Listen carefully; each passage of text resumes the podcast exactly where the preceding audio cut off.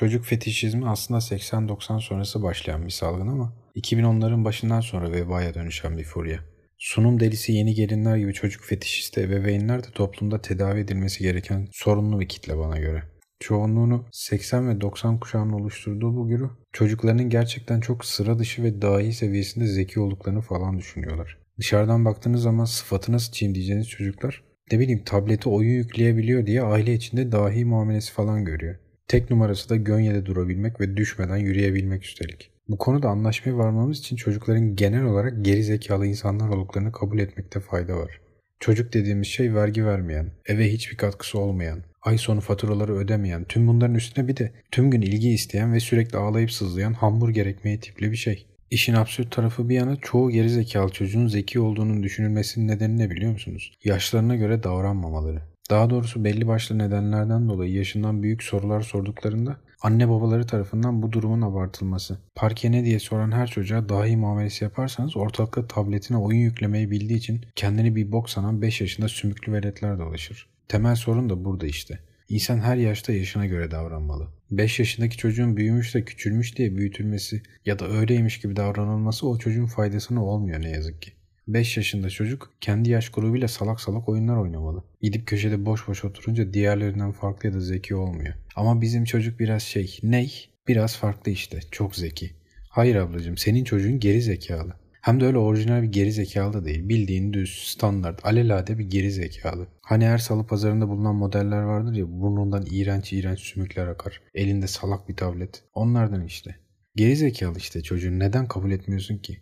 Bin liralık tablete oyun yükleyebiliyor diye ya da dünyanın en salak sorularını sanki onlar dünyanın en salak soruları değilmiş gibi soruyor diye çocuğun milenyum daha iyisi değil. Çocuğun dümdüz geri zekalı. Benim bu konudaki huysuz öfkemin nedeni çocuklara dünyanın en kutsal, en zeki, en sıra dışı yaratıklarıymış gibi davranılması. Halbuki bu piçlerin birkaçı büyüyünce gaspçı, katil, dolandırıcı falan olacak. Elbette memlekete faydası dokunacak olanlar da vardır ama onlar da bu ülkede akıl sağlıklarını koruyabilecekler mi işte. Toparlamak gerekirse çocuklara insan ırkından üstün bir türmüş gibi davranılması çok salakça ve yersiz geliyor bana. Sonuçta düşündüğümüz zaman çocuklar fiziksel olarak gelişimini tamamlamamış. IQ seviyeleri düşük. Hatta pek çoğu geri zekalı insan kalabalığı değil mi? Bu yüzden onlara sanki çok zekilermiş gibi davranılması onların faydasına olmuyor. Çocuğunuzun gerçekten zeki olmasını istiyorsanız elindeki tuhaf ve narin aleti alıp yerine bir tane değnek verin. O değnekle hayal kurup tüm gün oyun oynayabiliyorsa çocuğunuz gayet sağlıklı ve akıllıdır. Ama diğer türlü elindeki tablete oyun yükleyebiliyor diye çocuğunuzun zeki olduğunu düşünüyorsanız bu konuda da üzülmeyin. En azından çocuğunuz size çekmiş. Aşırı duyarlılık meselesine gelirsek sosyal medyanın yaygınlaşması demeyeyim de kullanım şeklindeki değişimle birlikte ortaya çıktı bu durum. Gayet sağlıklı diyebileceğimiz ya da ben gibi konuya yabancı olan insanlar için bu durum başta dijital bir dil zannediliyor ama işin iç yüzü biraz daha trajikomik. Ama bana göre tamamen puşluktan ibaret. Farkında mısınız bilmiyorum ama yıllardır kimseyle ağır taşak geçemiyoruz. Kimseye ibne diyemiyoruz mesela. Sen de az ibne değilsin dediğimiz an ensemizde aşırı duyarcı bir kitle beliriyor ve yoksa sen homofobik misin orospu çocuğu diyor. Bu aşırı duyarlılık hali farkında olmadan insanların öfkelenmesine neden oluyor. Halbuki iki makara dönse, o çocuk sen de az ibne değilsin diyebilse herkes olaysız bir şekilde dağılacak. Ama vardiyalı şekilde nöbet tutan aşırı duyarcı kitle sanki birileri çift anlamlı bir şey söylese de tepesine çöksek diye sıra bekliyor. Aşırı duyarlılıktan kastım ilginin çekiciliğine kapılan kitle değil yalnızca. Toplumsal olarak da tepkimizi yanlış yerlere kanalize etmekten bahsediyorum. Ya da dilimizdeki gereksiz naiflikten. 90'lar ve 2000'lerin başında kadın demek ayıplanırdı mesela. Kadın değil bayan diye uyarılırdı. İşte bahsettiğim gereksiz hassasiyet de burada devreye giriyor.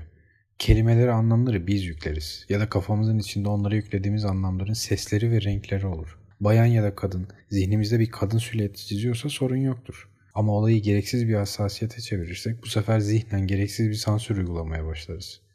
Bu olay sadece cinsiyet ya da birey özelinde de sınırlı değil tabi. Çöpçüye çöpçü demek kabahat olarak görülüyor mesela. Çöpçü işte oğlum yani. Çöpleri toplayan kişi bunun nesi ayıp ki? Belediye işçisi, belediye personeli deyince olay başka bir anlam mı kazanıyor? Ama bu aşırı duyarlılıktaki bana göre zirve olan asıl ipnelik ne biliyor musunuz? Erkeklerdeki aşırı ve gereksiz kadın duyarlılığı meselesi. Kadınlar insandır, erkekler insan olur. Rakı içen kadın, gülüşü güzel kadın, yan duran kadın, uzaklara bakan kadın, duran kadın, bakan kadın, kadın. Bu gereksiz duyarlılıktaki ibneliğin nedenini hepimiz biliyoruz. Kadın ve erkek yaratılış itibariyle bir takım farklılıklara sahip insan türüne mensup bir canlıdır diye ilkokul düzeyinde bir tanımlamayla başlayabiliriz aslında bu türleri. Ama bunda bile ensemizde bitip hayır orospu çocukları, kadınlar daha insandır diyen bazı arkadaşlar çıkacaktır. O yüzden bu cinsiyetçi kırılganlıktaki yersiz hassasiyete çok da değinmek istemiyorum. Mağazalardaki yüksek ses müzik olayıyla ilgili merak ettiğim şey neden milyar dolarlık koca markalar mağazalarını terk edilen tofaşçılar gibi işletiyor bilen var mı? Sanırsın raflarda kırmızı tupork esansı var ama koyayım. İçerideki müzik o kadar yüksek sesli ki pantolon almaya giren insan çıkışta ya tekel bayine uğruyor ya da terapi merkezine. Psikolojik açıdan amacı nedir? Saçma ve yüksek ses pop şarkılarla bizi düşünemez hale getirip cebimizdeki tüm parayı almaksa amaç bu doğru bir yol değil ki. Bir kere yüksek ses müzik bile olsa etik olarak doğru değil.